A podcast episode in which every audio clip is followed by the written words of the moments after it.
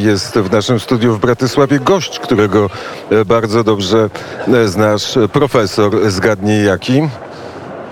Євген Magda, доброго ранку, Євгене. Я дуже радий, що ти є з нашими е, репортерами, з нашими журналістами. Доброго ранку, Павел, радий чути. E, Paweł, na tobie e, spoczywa tłumaczenie i na tobie spoczywa e, ciężar rozmowy. Spotkaliśmy pana profesora w Bratysławie, bo tutaj jest taki wielki kongres, tak to można powiedzieć, Globsek, spotkanie ludzi, którzy z całej Europy, a może nawet z całego świata, którzy zastanawiają się nad tym, jak dalej ten świat uporządkować, jak ten świat ma być bezpieczny.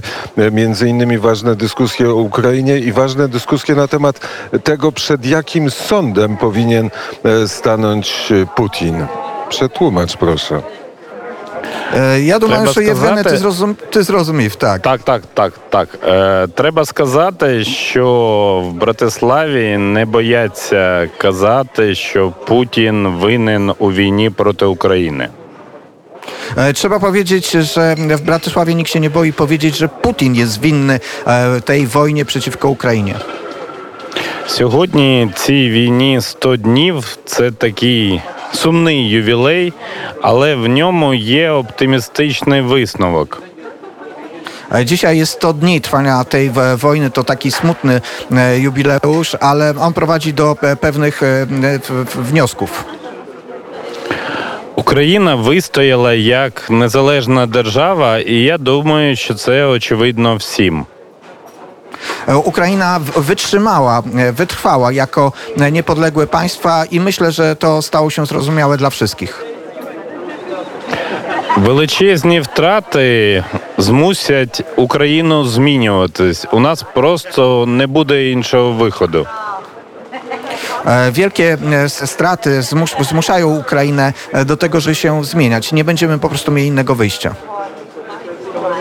Ну і раз ми говоримо з польськими слухачами, то варто зауважити, що за 30 років нашої незалежності таких міцних українсько-польських відносин ще не було.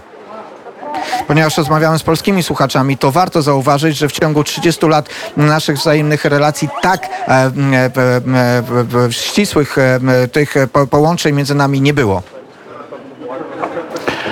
Плюс е, Росія фактично втратила свій імідж нормальної держави. Rosja też e, straciła z- imidż, e, ten obraz e, takiego normalnego kraju. Правда, не всі раніше вважали її нормальною, але тепер я думаю, що тих, хто вважає її нормальною, в Європі дуже мало. E, Oczywiście nie wszyscy i wcześniej uważali ją e, za taki normalny kraj, ale e, dzisiaj w Europie e, tych, którzy uważają je za, za normalną, pa- normalne państwo jest już po prostu mało. І багато з них роблять це за брудні російські гроші. I wielu z nich e, robi to otrzymując e, brudne rosyjskie e, pieniądze za to.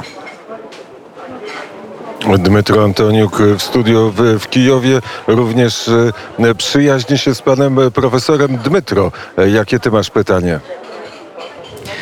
Е, е, Мам питання, як е, в- на tej міжнародна маю питання, е, як на цій міжнародній зустрічі взагалі е, зараз е, оцінюють найближчі перспективи наш, нашого краю. Мам питання, е, як на tej międzynarodowej е, е, ocenia się е, перспективи найближче України? Україна на форумі Глобсек проходить такою синьо-жовтою ниткою, тобто одна з основ... безумовних основних тем. Pawle? E, Ukraina na, na, na tym spotkaniu e, międzynarodowym prochodzi e, no, takim, taką taśmą e, e, w, w, żółto-niebieską. Niebiesko-żółtą. I tak, niebiesko-żółtą. Tak. Як я сказав, е, тут не бояться говорити, що Путін винен у, у тому, що відбувається. I już powiedziałem, ja jak powiem, powiedziałem, my- że tak. Mhm. E, To e, Proszę. tutaj e, po prostu nie, nie boją się, żeby e, p- e, jednoznacznie mówić o tym, co mówi e, Putin. Але е, сказати, що є якийсь унікальний рецепт.